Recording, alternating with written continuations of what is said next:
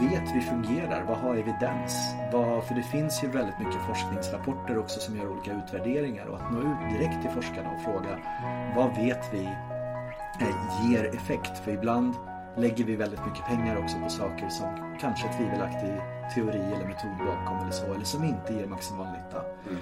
Och den tredje gruppen, kanske viktigast till och med, oss som människor och subjekt för utveckling. Dig som ledare och person.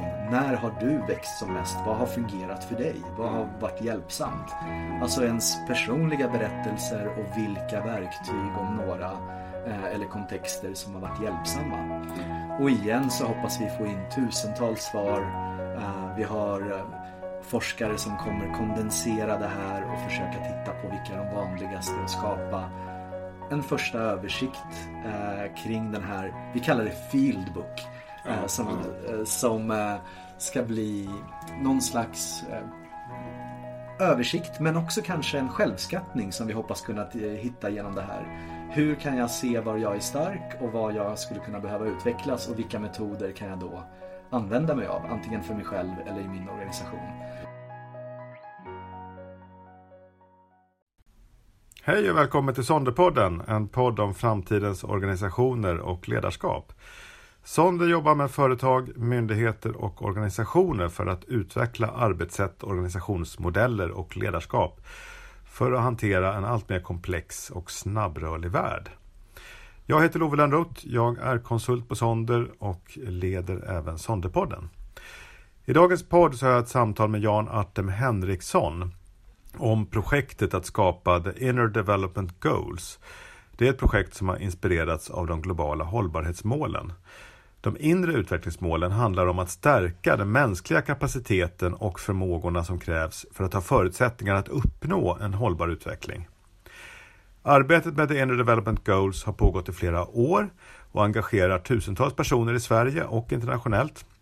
Toppakademiker som Amy Edmondson, Peter Senge och Robert Keegan hör till dem som är engagerade i arbetet, liksom företag som IKEA, Ericsson, Telia och Spotify samt organisationer som till exempel Region Stockholm. Jan berättar i podden om vad de här Inner Development Goals är för någonting och hur de kan lägga grunden för att företag och organisationer blir bättre på att både hantera komplexitet, den värld vi nu lever i, och att uppnå sina egna hållbarhetsmål. En del av er som lyssnar kanske har deltagit i Mindshift-konferensen som ägde rum senast i maj 2021. Och där har The Inner Development Goals lanserats. Nästa konferens äger rum i april 2022. Ett tips är att hålla utkik efter den för där kommer det också bli mer fokus på den fieldbook som håller på att sammanställas med verktyg för att jobba med de inre utvecklingsmålen. Det finns också en hemsida, innerdevelopmentgoals.org där mer information finns eh, om de här målen och även information om hur du själv och din organisation kan engagera i er i att ta arbetet med målen vidare. Här kommer samtalet med Jan Artem Henriksson. Mycket nöje! Hej Janne, välkommen till Sonderpodden. Tack så mycket. Hörru, vi ska göra en liten podd om Inner Development Goals. Yes. Som du är en av upphovsmännen till. Jag tänker att du får börja berätta lite grann om dig själv till att börja med och sen berätta lite om projektet. Yes, så Jan Artem Henriksson heter jag. Jag är född i Ukraina. Uppvuxen eh, i Sverige. Eh, men har hållit de här kulturella skillnaderna mellan ett väldigt maskulint Sovjet som jag faktiskt gick i skolan i mina första år och ett väldigt mjukt och feminint Sverige. Eh, så jag varit intresserad av den här komplexiteten i kultur och ledarskap och olika sätt att förhålla sig till världen. Eh, och grundade tillsammans med Dick och Dominique von Martens en liten ledarskapsbyrå som heter Self Leaders.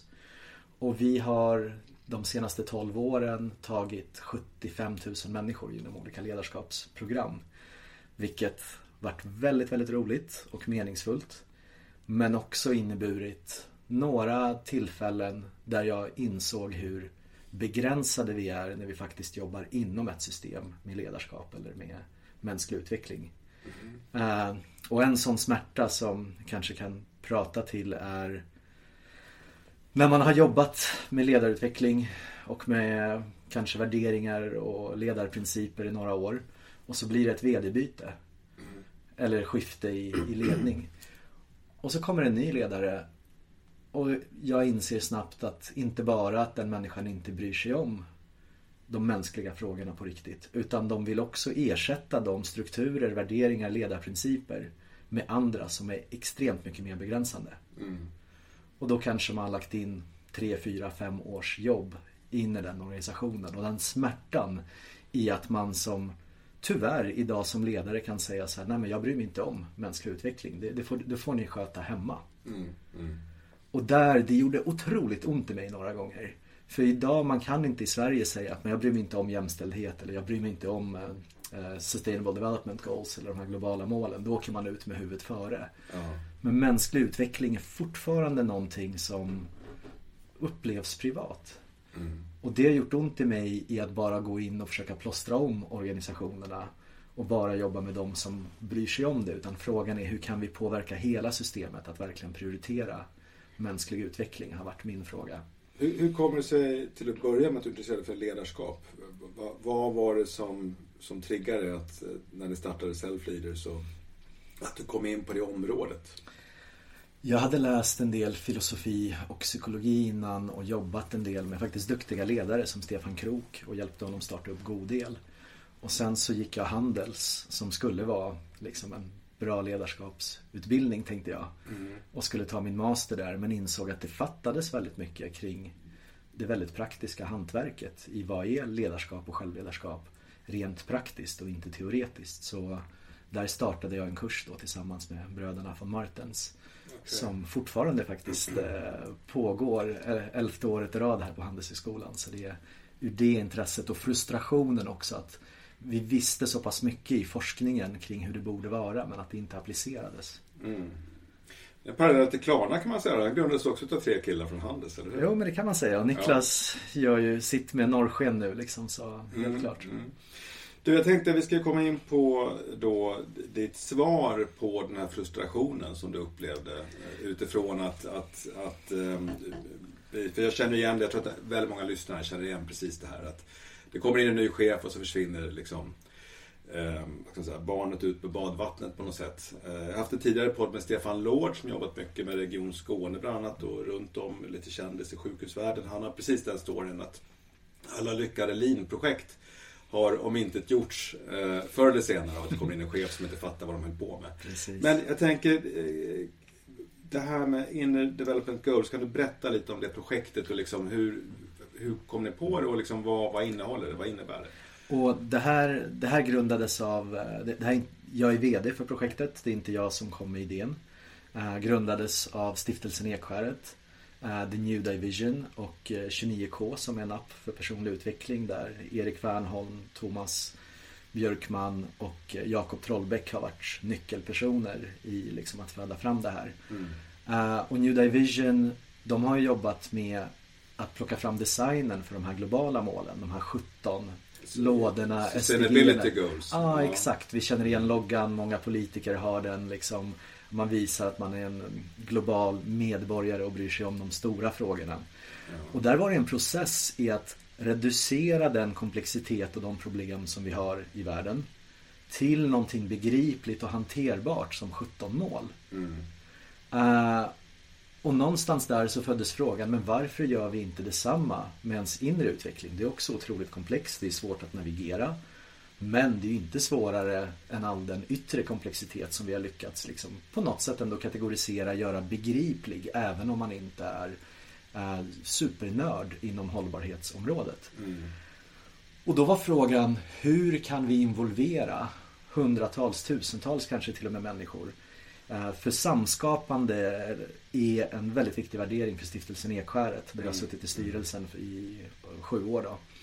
Eh, hur kan vi involvera människor som kan mycket om mänsklig utveckling, som också kan mycket om hållbarhet och ser hur kopplingen också ser ut mellan våra inre kapaciteter och vår förmåga att bry sig om de stora frågorna. Och skapa ett ramverk som är lite mer stabilt, som är enkelt att förstå och stabilt, som handlar om vilka kapaciteter och förmågor behöver vi utveckla i vårt inre mm. för att öka våra chanser att nå de globala målen, de här 17 SDG. Det är därför det heter Inner Development Goals. Vi speglar lite Sustainable Development Goals men tittar på den inre dimensionen då.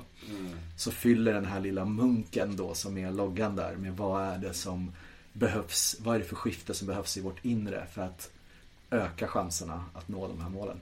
Förutsättningarna att, att, att nå hållbar utveckling. Jag tänker lite parallellt med på Sonder pratar vi ofta mycket om det här med att man behöver ha en inre kapacitet mm. i form av ledarskap och verksamhetsutveckling och annat för att kunna uppnå sina affärsmål så att säga. Precis, och, och precis. Det är väl lite parallellt det där. Eh, den tanken.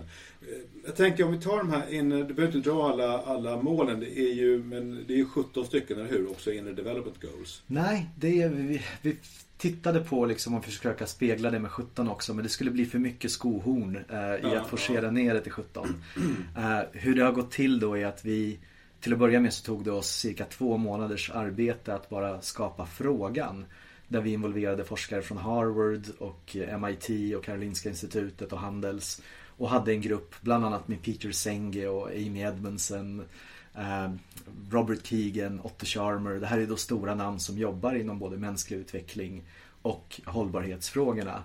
Som hjälpte oss massera frågan som vi skulle skicka ut i en enkät till tusentals personer då. Mm. Och frågan löd just som jag sa vilken inre utveckling behöver vi för att öka våra chanser att nå de globala målen? Mm. Och det här skickade vi sedan ut till forskare runt om i världen, till praktiker, alltså människor som jobbar som Head of Leadership Development på, på Spotify, på IKEA, på Ericsson, som köper in utbildning och jobbar med kapacitetsbyggande och också sitter i de utmaningarna att vi kanske inte alltid har kapaciteter nog för att hantera den komplexitet vi möter. Mm. Plus då högre chefer, toppchefer på, både inom offentlig sektor och eh, privat där Region Stockholm har varit eh, som en av Sveriges största arbetsgivare då väldigt tidigt på genom Fredrik Lindekrona. Mm. Och varit med och bidragit till projektet och nått ut till, till sina personer som jobbar med de här frågorna.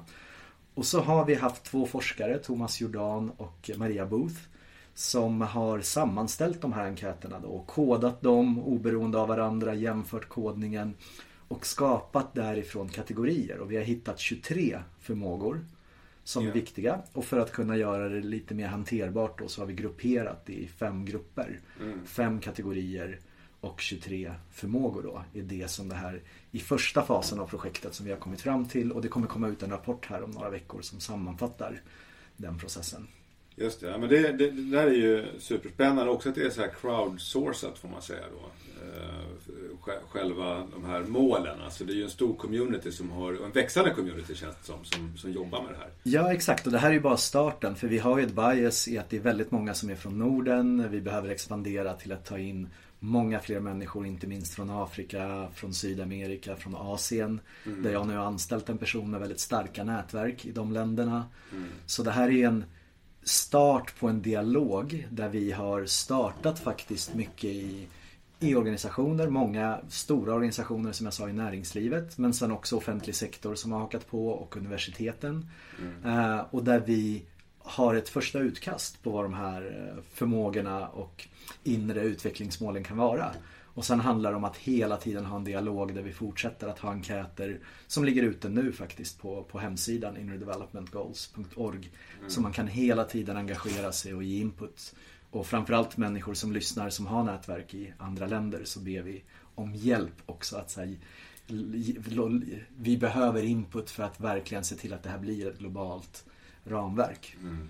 Det är lite cool faktiskt. Jag var ju med mitten på 90-talet började jobba med hållbarhetsfrågor. Då jobbade jag mm. rätt mycket med ett ramverk som då hette Det naturliga steget systemvillkor. Ja. Och det blev ju lite av en svensk succé måste man säga. Mm. Ja. För att de erövrade världen i flera år. Eh, jag tror fortfarande att, att det ramverket används eh, internationellt. Mm på sina håll. Det blev stort i Japan bland annat. Som jag tror när det kommer till systemtänkande finns det lite paralleller till liksom hur man tänker och den lite kollektivistiska exakt, traditionen exakt. vi har också. Nej. Eh, Nej men och det här är jättekul. Vi har ju haft de här Mindshift-konferenserna som är ett samarbete med Handels, KI eh, och stiftelsen Ekskäret igen då. Och där har vi haft både svenska utbildningsministern Anna var där och öppnade den andra konferensen. Vi har nu intresse från Costa Rica där ministern där har tittat på ramverket och de, de fick ju nyligen pris för sitt arbete med hållbarhet, mm. deras president. Och säger det här vill vi göra. Vi vill implementera det och likaså så kommer det intresse från Japan, från andra länder väldigt högt upp. Mm. Och där UNDP då, eh, FNs eh, organisation har engagerat sig på hög nivå. Inom några veckor kommer vi få använda deras logotyp till och med som samarbetspartner. Så det här är lite liknande då som håller på att ta fart och vi försöker bygga partnerskap, rekrytera och skapa en organisation kring det här. Då. Precis, det, det är jättekort. Vi kanske ska komma in lite på själva ramverket. Om du tar åtminstone de här fem liksom, grupperingarna, eller större kategorierna. Om, om vi, jag antar att du har huvudet hyfsat i alla fall, vilka de är vid det här laget. Eh, kan du berätta lite om, om ramverket? Ja, det är på engelska, så jag tar det på engelska också. Ja, jag tror ja. att det är så pass generiskt att de flesta förstår. Så det finns vi jobbade ju både med en grupp forskare och en grupp kommunikatörer parallellt.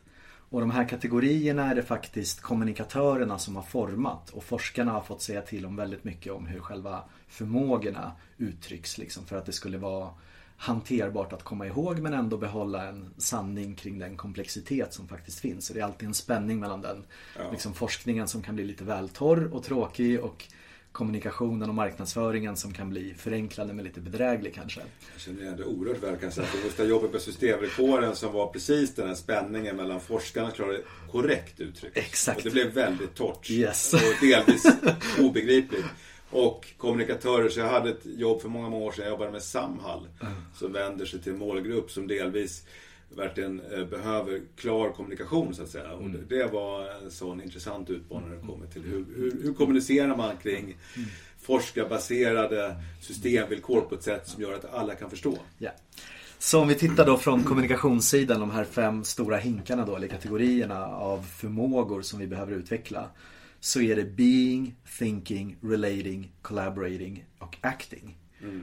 Och being, om vi börjar där då, som är någon slags min relation till mig själv. Och där det finns ett antal förmågor. Om man tar ett exempel för att göra det lite mer begripligt så inre kompass är någonting som har kommit fram väldigt starkt att det är något som vi behöver. Mm. Uh, och en medvetenhet om personliga värderingar exempelvis. Om vi relaterar det för säg 10-20 år sedan, varför är det här så himla viktigt idag? Jo, man ser att ska vi jobba effektivt med de globala målen. Det är komplexa frågor, det är väldigt svårt att förutse, det är väldigt mycket osäkerhet. Vi behöver ha en trygghet i oss själva och våra värderingar. Men det är också så att vi behöver kunna ta våra värderingar som objekt och mm. titta på dem lite utifrån och säga okej, okay, det här värderar jag. För om jag ska jobba med människor från Asien eller Sydamerika eller Afrika om jag inte har koll på mina egna värderingar och mina biases eller världsbilder eller hur jag kanske ser annorlunda på saker och ting. Så kan det lätt vara så att jag tycker att de andra är konstiga bara eller liksom att eh, de tänker galet eller fel för att jag inte kan se hur jag tänker annorlunda eller värderar. Så det blir väldigt, väldigt viktigt om vi ska ha en chans att jobba mot de globala målen och samverka också, collaborating då, eller de sociala förmågorna länka tillbaka. Så väldigt många av de här hänger ihop då. Mm. Så en medvetenhet om personliga värderingar, närvaro eh, är en annan sån förmåga som är väldigt stark. Att man i stunden kan märka när saker växer eller att man har en självmedvetenhet och så vidare. Mm. Eh, och det är förmågor som idag är mycket, mycket viktigare när vi tittar på våra sociala nätverk om Facebook, LinkedIn, hur otroligt utspridda de är med människor över hela världen. Ja. Och hur vi samverkar över kulturerna på ett helt annat sätt och behöver göra det ännu bättre. Ja. Mot hur det var för bara 20-30 år sedan när vi jobbade mycket mer i ett team med kanske bara svenskar eller människor med liknande värderingar och så vidare. Mm. Nej, men det där är nog sant. För jag, tänker, eh, jag tycker jag har mött många företagsledningar som trots att det är internationella bolag om, de är baserade i Sverige och har mm. huvudkontoret här. Så det är förvånansvärt svenskriktat om man säger Exakt. så. Och sen ibland så flyger det. För att så att säga det svenska sättet funkar. Ja. Precis som det amerikanska sättet kan funka på många ställen. Men det är ju klart en begränsning när man inte har mångfalden. Och egentligen vad vi pratar om är liksom en grundläggande förmåga för att kunna skapa mångfald. Ehm, mm. I att jag behöver vara medveten om så att säga, enfald. Så jag behöver vara medveten om vad jag står för någonstans och vad jag har med mig. Men också det att vi lever i den här VUCA-världen där det är mycket mer volatilt, osäkert, mångtydigt. Liksom, många fler berättelser som florerar. Mm. Och vi kan inte ens skydda våra barn från väldigt många olika perspektiv som de måste förhålla sig till. Mm. Förut hade vi den statliga tv-kanalen som talade om för oss hur det var. Och vi hade dagspressen eller så som hade ganska kongruent historia och berättelse om samtiden. Mm.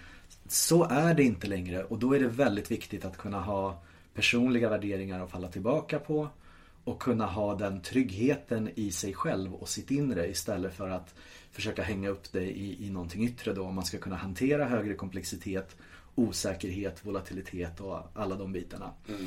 Så det här gäller egentligen, de här inre utvecklingsmålen är ju relevanta för alla komplexa projekt.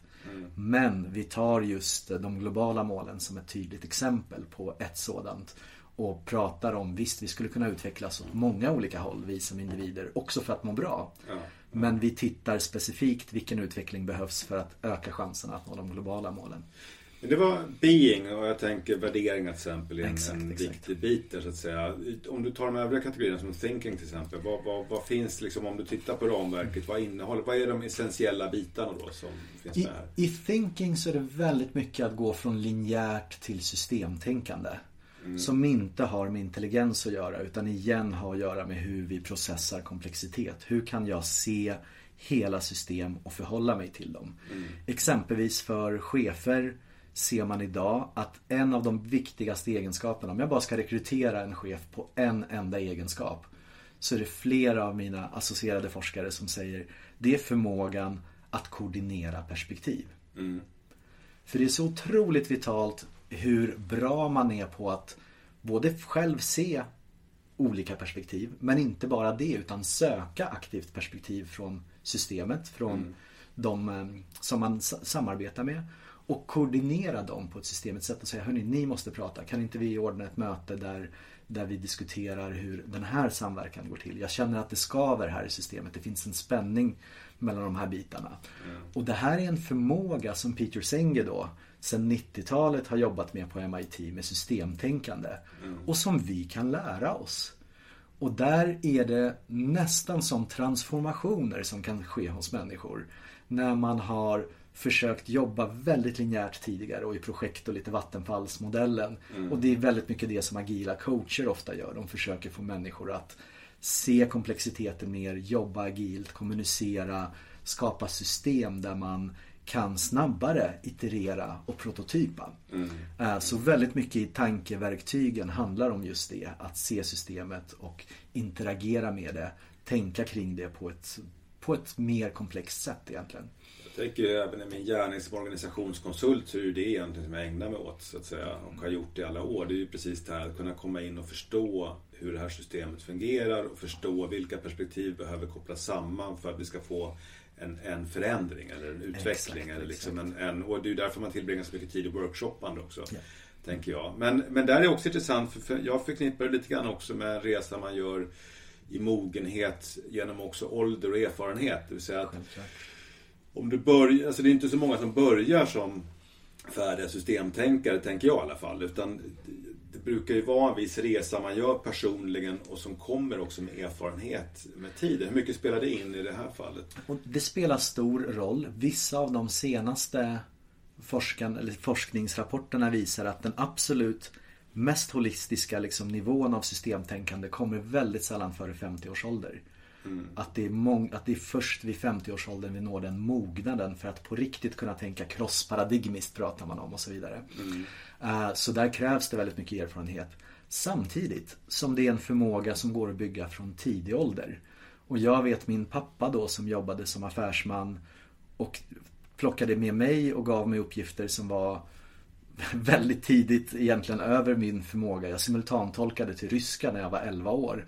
Mellan olika grupper. Okay. Och navigerade missförstånd mellan den ryska och svenska kulturen. Okay. När chefer då sa saker på ryska jag kände nej, jag kan inte översätta det här.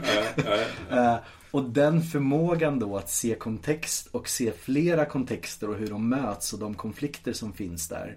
Är någonting som man kan öva på rent praktiskt. Eh, och här finns det möjligheter och det är därför det är så viktigt att belysa de här förmågorna. Och det vi kommer göra som jag kommer prata lite om i fas 2 i det här projektet också då, att visa på vilka verktyg är det som finns. Mm. Hur kan man jobba med att hjälpa människor växa i det här med enkla medel och göra det liksom tillgängligt för alla blir otroligt viktigt för att det här ska bli praktiskt applicerbart och inte också bara att det är någon teoretiker som har sin ram. Utan att det här spänner över väldigt många olika fält och teorier. Ja. Eh, som en slags helhetsramverk på vilka förmågor behövs då, där vi har rört vid being och thinking.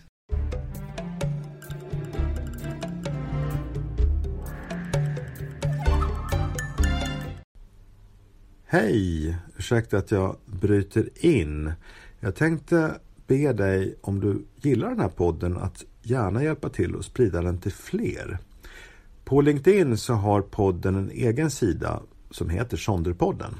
Så sök gärna upp Sonderpodden och dela inläggen där om de senaste avsnitten till ditt eget kontaktnät. Och sätt gärna betyg på podden också i din poddapp. Och ännu hellre om du vill verkligen hjälpa oss, skriv en liten kommentar där också eh, i poddappen. Det brukar man kunna göra där man sätter betygen. Så åter till eh, podden med Janne Artem Henriksson. Jag tänker precis, för att vi, vi har, och vilka var de återstående tre då? Being, thinking? Sen Uh, relating handlar ju om hur vi bryr oss om andra människor och världen. Mm. Och där vi kan göra det i mindre eller större utsträckning. Och det ser man ju att ibland har ju människor en väldigt god förmåga att navigera sig själv och navigera komplexiteten. Och det är kanske är de farligaste ledarna, men som inte bryr sig Mm. så mycket om det. Att man tar andra mer som ett objekt för min egen framgång eller så. Okay. Uh, och här är ju också förmågor både som uppskattning och empati och medkänsla som man ser att man kan bygga upp. Både individuellt och kollektivt genom appreciative inquiry exempelvis där man lyfter upp framgångar.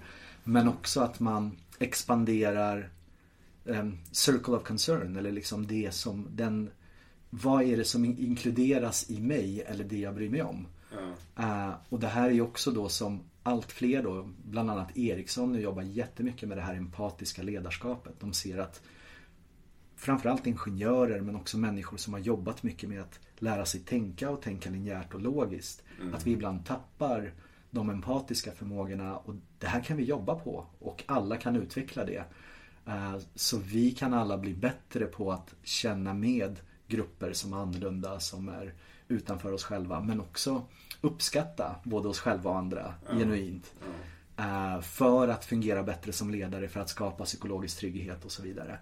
Så där är väldigt mycket av de mer mjuk, det som ses som mjukare förmågor kanske. Eller skills, liksom. Eller någon form av etisk dimension kan man säga också. Alltså förhållningssätt. eh, Apropå empati och sånt där. Det, det finns ju det är förlängningar i alla fall också. Verkligen, Ja. verkligen. Men det är relating. Sen hade du två till som... eh, Ja, och sen är de två utåtriktade då, collaborating, eh, alltså sociala förmågorna där hur man samskapar, hur man bygger tillit. Där finns det Amy Edmondson då som har skapat begreppet psykologisk trygghet och teaming och så som är väldigt populärt inom den agila världen. Har ju väldigt mycket verktyg på hur man kan aktivt skapa förhållningssätt och strukturer som gör att vi kan socialisera och samarbeta på ett mer moget och komplext sätt också. Mm. Och slutligen då acting eller att faktiskt driva förändring. Vad är det för förmågor vi behöver där?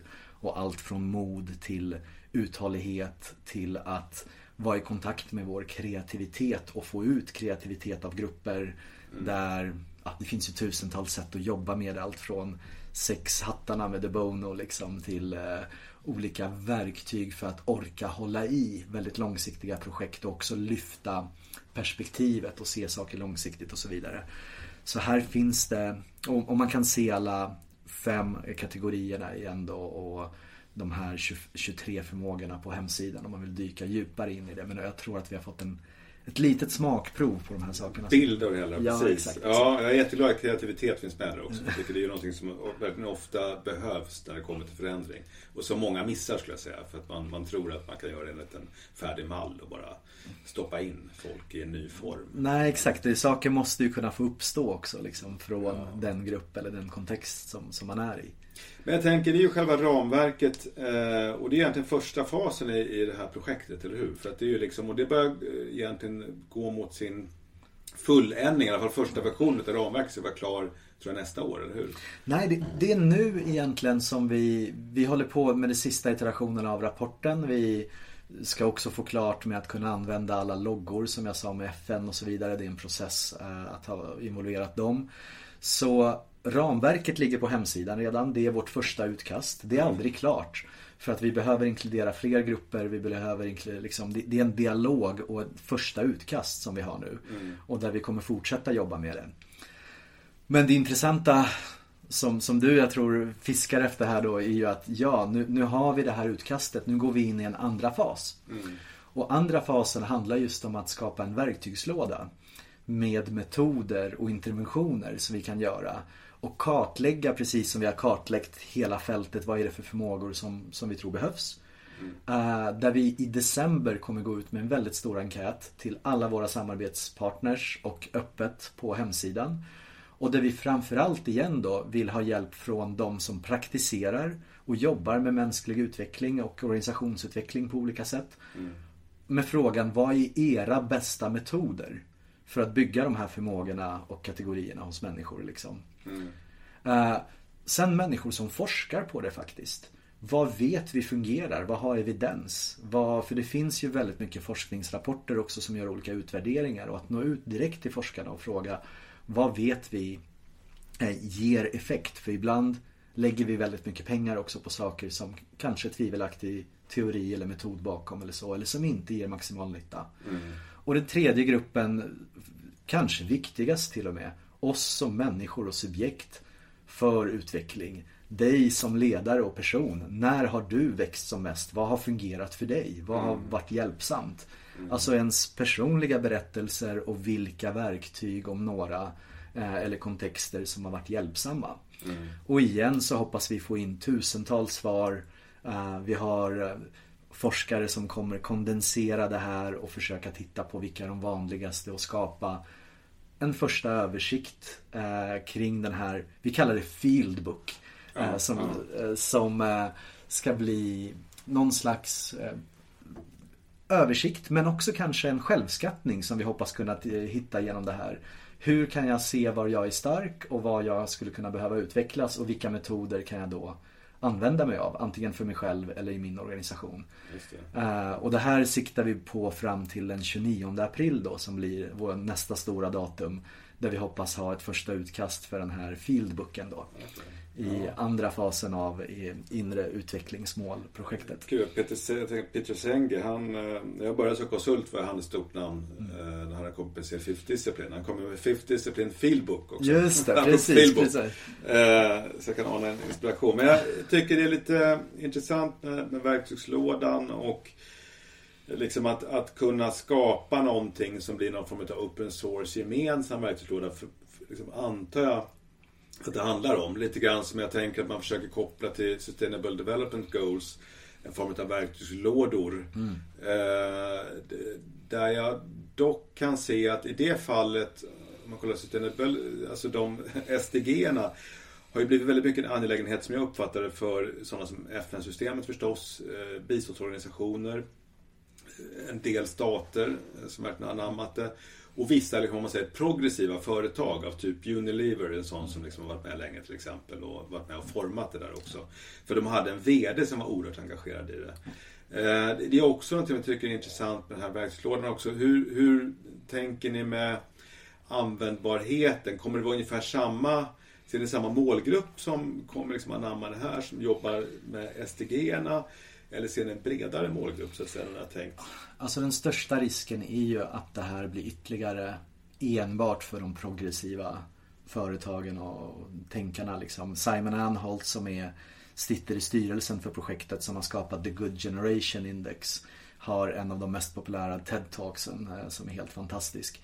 Eh, han säger ju att cirka 10% av befolkningen globalt ser sig som globala medborgare och som är engagerade i det här och de globala målen redan. Som ser sig primärt till och med som globala medborgare snarare än del av sin, eh, sitt land eller stat eller vad det är. Mm. Eh, Och vår största utmaning, och det pratade vi om den 14 september på vår sista Mindshift-konferens då, att vår största utmaning är att verkligen nå de här övriga 90 procenten. Mm. De som inte redan är djupt engagerade.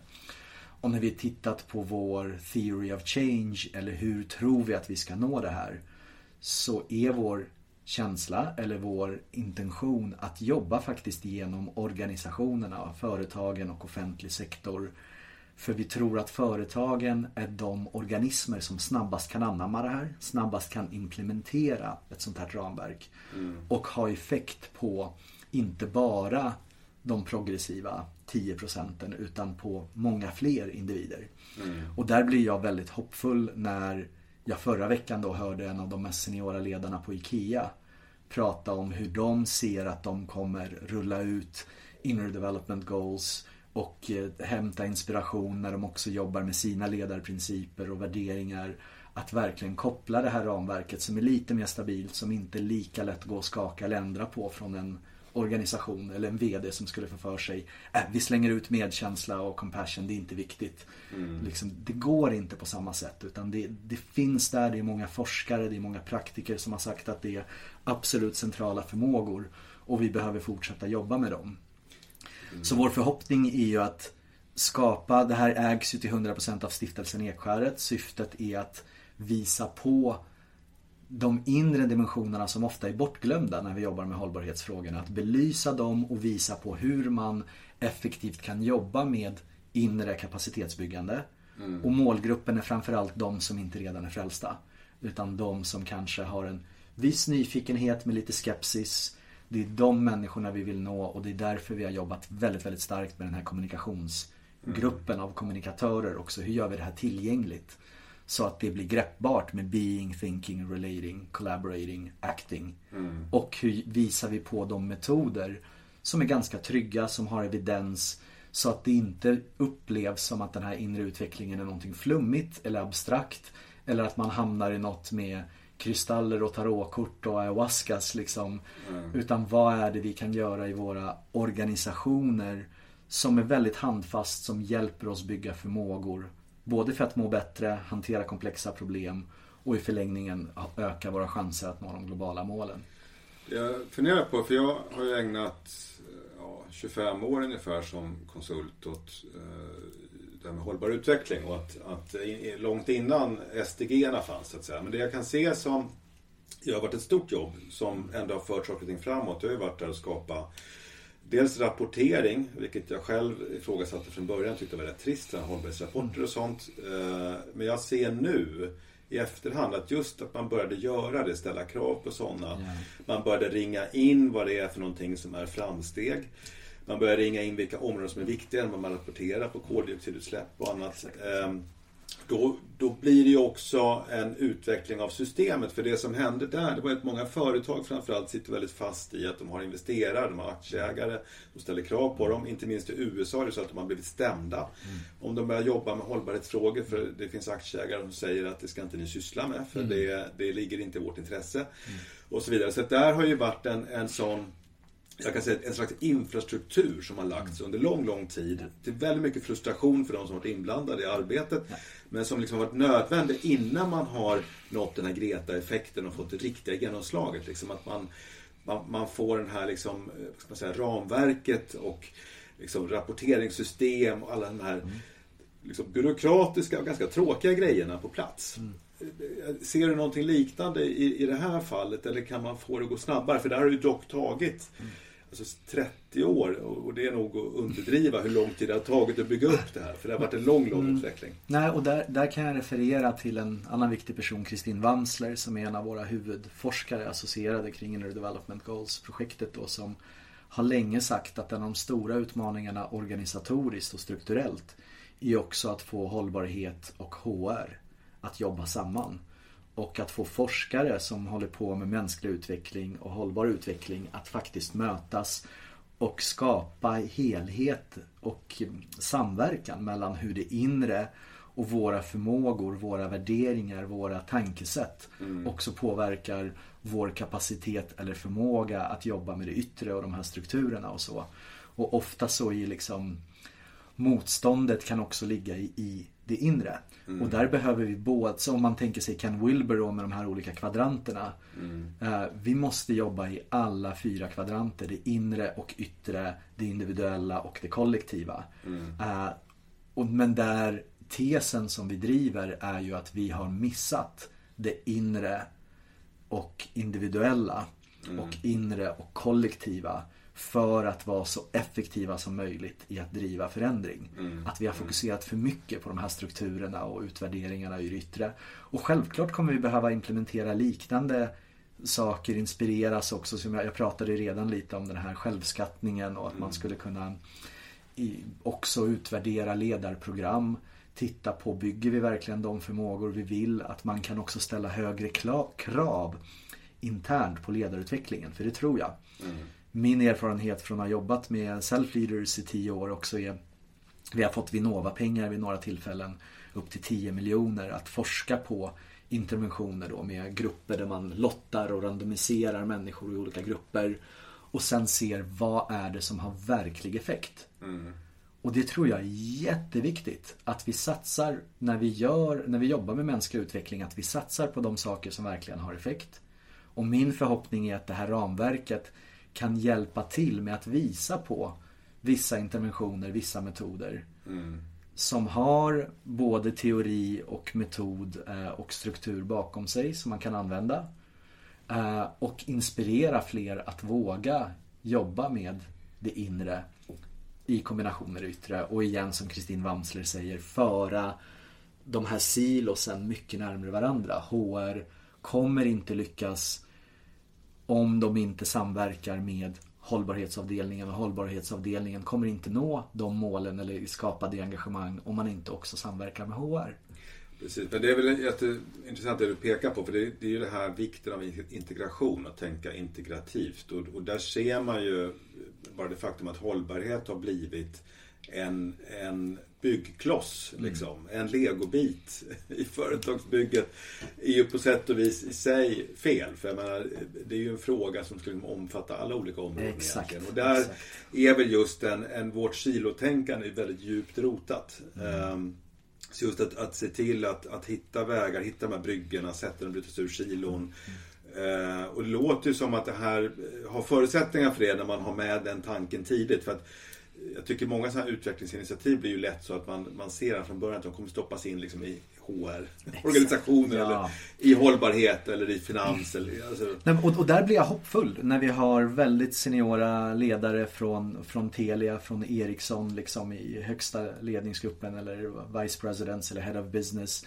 som tar det här på allvar, tar med sig det i sin organisation och säger det här är större än en HR eller hållbarhetspuck. Mm. Det här är någonting som är viktigt för hela vår organisation. Mm. Och vi kan jobba annorlunda genom att stötta och bidra till det här ramverket men också ha med det här ramverket i ett större tänkande. Och där blir jag väldigt inspirerad att vi har kunnat skicka ut enkäterna till toppchefer på de här stora gigantiska svenska företagen till att börja med. Nu expanderar vi till fler partners också. Och bara frågan att ställa till topp 300 chefer på, på Ericsson där vi säger vilken inre utveckling tror du behövs mm. för att vi ska öka våra chanser att nå de globala målen? Mm. Det i sig är en intervention mm. som vi räknade med. Och det i sig startar tankar och processer och vissa svarar på enkäten, andra gör det inte. Men vi väcker en fråga och vi kommer tillbaka med strukturer som förhoppningsvis kan hjälpa människor se en större helhet. Och även i, hos oss då som jag har jobbat väldigt mycket med den här kognitiva utvecklingen. Jag tycker det är superspännande. Mm. Jobbat nära Robert Keegan på Harvard i 3-4 år. Så liksom, jag har ju varit kanske nästan för mycket fokuserad på eh, tankestrukturer och komplexitet i tänkande och så vidare. Mm. Och jag har vänner som är väldigt starka på meditation, medkänsla, självmedkänsla som har varit väldigt länge i den här relating-kategorin mer. Mm. Och där märker jag hur, när jag börjar jobba mer holistiskt också med min utveckling och prova på andra delar och komponenter än de jag brukar. Mm. Som eh, testa circling eller authentic relating som två metoder som var ganska nya för mig men som jag inser, vänta det här kommer ju från den här relating kategorin. Ja. Så händer det nya saker i mig och jag hoppas kunna inspirera vissa av dem som har jobbat mycket på, på den sidan med att se hur man kan öka sin eh, förmåga i att tänka komplext och långsiktigt i, i olika projekt och så vidare. Ja, det, det tycker jag är jättespännande. För det känns också just det där att få ihop det här med struktur, strukturfrågor med så att säga det kognitiva och det, det mänskliga. Liksom, Ja. Individen. För det, det, det är också något man brottas med hela tiden. Individfokus som ju ofta finns i ledarskapsträning till exempel. Kontra liksom strukturfokus som ju ofta finns hos de som jobbar med sig ledningssystem och Exakt, exakt. ständiga förbättringar och sådana grejer. Så det, det, det är jätteintressant. Jag tänker, vi har ju varit på nu själva ramverket, vi har på verktygslådan lite grann och utveckling av den. Eh, men sen hade du en tredje fas som liksom att rulla ut det här och liksom fortsätta kommunikationen. Jag tänker vi kan väl toucha lite och lite grann hur kan jag själv engagera mig om jag nu är eh, företag eller myndighet eller alltså representerar någon. Hur, hur, dels lite om utrullningen och dels så hur kan jag jacka in i det här projektet? Jo men det första är, alltså alla de här faserna lever parallellt men vi söker väldigt aktivt nu en partnergrupp under hela det här året. Så lyssnar du och eh, tycker det här är intressant, ta gärna med dig bara hemsidan innerdevelopmentgoals.org, skicka det till er HR-chef eller hållbarhetschef och säg är det här någonting för oss? Kanske vi kan bli involverade? Eller skicka till VD kanske? Ja, ännu bättre. Men det är ofta ändå, vår ingång har nästan alltid, framförallt i större bolag, nu, nu är vi på gång med några jättar till då internationellt. Så har det varit genom HR eller hållbarhetschefen. Och, och vissa tar det självklart hela vägen upp till, till VDn då om det finns ett engagemang för de här frågorna där. Eh, och vi skapar en eh, grupp av organisationer som är progressiva, som utbyter tankar och idéer med varandra. Man kan vara med och stötta initiativet om man vill. Man kan skicka ut den här enkäten till sina chefer och medarbetare. Framförallt igen HR och hållbarhet är väldigt viktiga områden här. Eh, Och vi ordnar månatliga träffar med tankeledare. Och ofta är det forskare eller globala tankeledare som jag har nämnt. Som Amy Edmondson brukar ta, jag vet att Spotify anställde henne eller när hon tar andra uppdrag.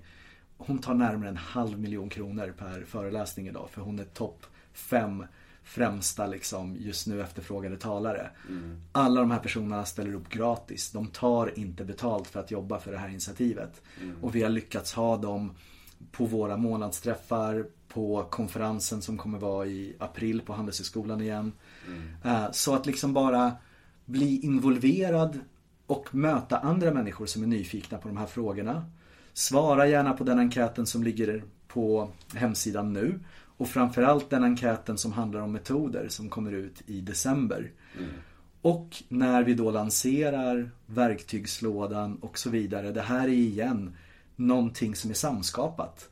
Att börja använda det, börja reflektera kring det, börja bygga in det i de eh, strukturer, utvecklingsprojekt som man redan gör. Eh, man kan anmäla sig med sin mail längst ner på hemsidan och det är liksom för att få nyhetsbrev och all information som sker. Och det uppmanar jag verkligen alla att göra för det här är ett samskapande projekt. Och där vi söker partners både som universitet, som eh, privata organisationer eller business och som offentlig sektor där vi behöver från alla håll och kanter människor som vill involvera sig. Spännande. Jag tänker vi lägga in lite länkar också i, i de här eh, man kan lägga in här vid podden så man kan kolla i poddappen också. Eh, till innerdevelopmentgoals.org, eller hur? Precis, så är det. Och det, det, jag tycker det är kul att du sa att det här är ett integrativt projekt. För det, det andra som ger mig energi och hopp i det här liksom. Och på tal om att integrera. Jag började med att prata om hur jag försökte integrera den sovjetiska mer maskulina liksom, kulturen och idealen med de mer Sverige är ett av de mest feminina om man tittar på Hofstades forskning, liksom länder i världen tillsammans med några länder i Asien. Det här är ju en integrering av någon form av höger-vänster paradigm också. Jag vet inte om ni som har lyssnat har snappat upp det men liksom historiskt så har de till höger väldigt länge lobbat för karaktärsbyggande. Det handlar om att du ska bygga din egen karaktär och förmåga och ta hand om den närmsta familjen omkring dig. Och genom att vara dygdig på något sätt så, så löser sig samhället om vi tar ansvar för vårt. Mm. Eh, vänsterparadigmet generellt har ju alltid varit för social utveckling, transformation, samhällsfrågor och liksom mänskliga rättigheter och så vidare. Mm. Och Inner Development Goals visar ju på något sätt att vi behöver både och. Genom att vi kan inte liksom glömma bort de inre dimensionerna och vårt, vår personliga utveckling men det, det är inte för sin egen skull. Utan vi behöver det för att just kunna åstadkomma samhällsutveckling mm. och de skiften i samhället som verkligen behövs när det kommer till jämställdhet, till hållbarhet, till mycket annat. Uh, och det tycker jag är väldigt, väldigt spännande med det intresse vi får nu på ministernivå i väldigt många länder och liksom höga organisationer som når ut till oss och säger hur kan vi samskapa kring det här. Gud vad kul. men, eh, jag säger bara jättetack för det här och fortsättningen följer får man säga. Och eh, jättetack för podden Janne. Tack, fint att vara här och reflektera kring det här. Ja, ha det bra.